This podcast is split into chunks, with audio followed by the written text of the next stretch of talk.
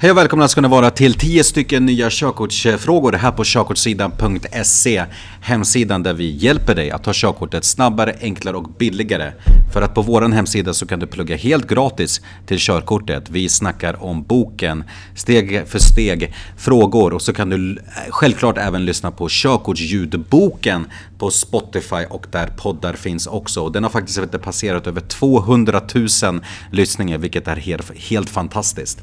Det här kan du lyssna eh, via en annan podd som heter Körkortsljudfrågor också. Även där på Spotify och där poddar finns. Men nu går vi in på den första frågan som lyder. Du har lagt ut din bil på Blocket.se och sålt eh, bilen en vecka senare. Till vem är du skyldig att meddela detta? Och det här är du skyldig att meddela Transportstyrelsen inom 10 dagar efter ägarbytet. Eh, säljer du bilen till en bilhandlare så brukar de oftast sköta det här åt dig. Men säljer du den privat via Blocket till exempel så behöver eh, ni meddela det senast 10 dagar efter ägarbytet. Vilken försäkring är det krav på hos eh, registrerade bilar? Och eh, du måste ha en trafikförsäkring. Trafikförsäkringen täcker inte skador på ditt fordon om du skulle hamna i en, trafik, eh, i en trafikolycka. Utan det täcker skador på motpartens fordon. Eh, vill du, eh, vill du, att, vill du ha en försäkring som täcker skador på ditt eget fordon så behöver du se över att kanske ha en helförsäkring till, till exempel. Nästa fråga. Hur påverkar en miljövänlig körstil hur mycket pengar du lägger på bränsle? Eh, eh, alltså om du har en, har en miljövänlig körstil så kommer du givetvis att lägga mindre pengar på, på bränsle. Så att mindre pengar kommer gå åt eh, bränsle. Nästa fråga. Med hur mycket rensar en dieselmotor utsläpp från skadliga partiklar jämfört med en dieselmotor utan partikelfilter? Och här är faktiskt svaret 99,9%. Så då förstår ni att det är viktigt att man har en dieselmotor med partikelfilter. Nästa fråga. Får man köra bil med narkotikaklassad medicin i blodet? Eh, det är ju noll, eh, noll, eh, noll tolerans mot att ha vet, narkotika i, eh, i vet, blodet när man kör. Men man får eh, ha eh, eh alltså, eh, alltså vet, medicin som är narkotikaklassad om man har fått det ordinerat utav en läkare. Nästa fråga. Din släkting stannar i en alkoholkontroll och tvingas blåsa i en alkoholmätare. Alkoholmätaren visar att din släkting har 1,4 promille alkohol i blodet. Vad kommer följderna troligtvis att bli?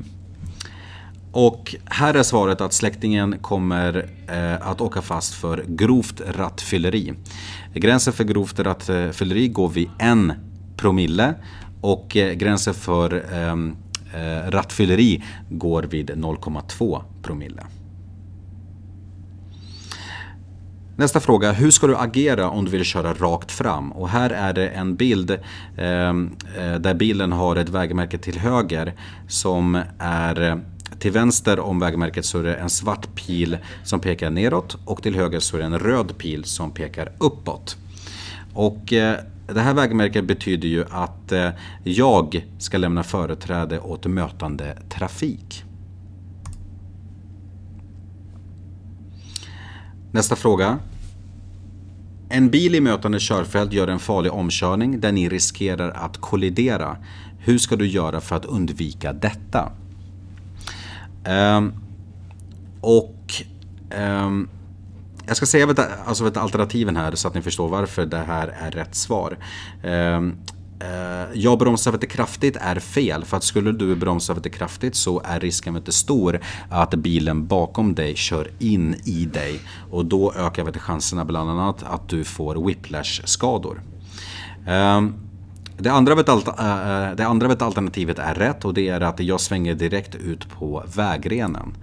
Eh, det sista alternativet som är jag fortsätter som vanligt och hoppas att mötande trafik löser situationen. Då är man vet, naiv över att tro att, alltså att det ska vet, lösa sig av sig själv. Utan kör ut på vägrenen för att underlätta eh, den farliga omkörningen. Nästa fråga. I vilken situation ska du vara uppmärksam på att det kan vara halt? Och här är det ett alternativ där det finns våta löv. Så att det här ska du vara uppmärksam på under hösten då eh, väldigt mycket löv faller ner till marken. Det kan vara en orsak till halka. Då har vi redan kommit till den, till den sista frågan och den lyder Vad ska du göra om du råkar köra på och skada en bil på en parkeringsplats? Eh, och här är att eller här är rätt svar att eh, får jag inte tag på ägaren så ska jag ringa polisen. Så att här får du absolut inte åka utan att göra någonting för då kan du åka fast för smitning. Så att du ska i första hand få, eh, försöka få tag på ägaren och kan du inte det så ska du ringa polisen.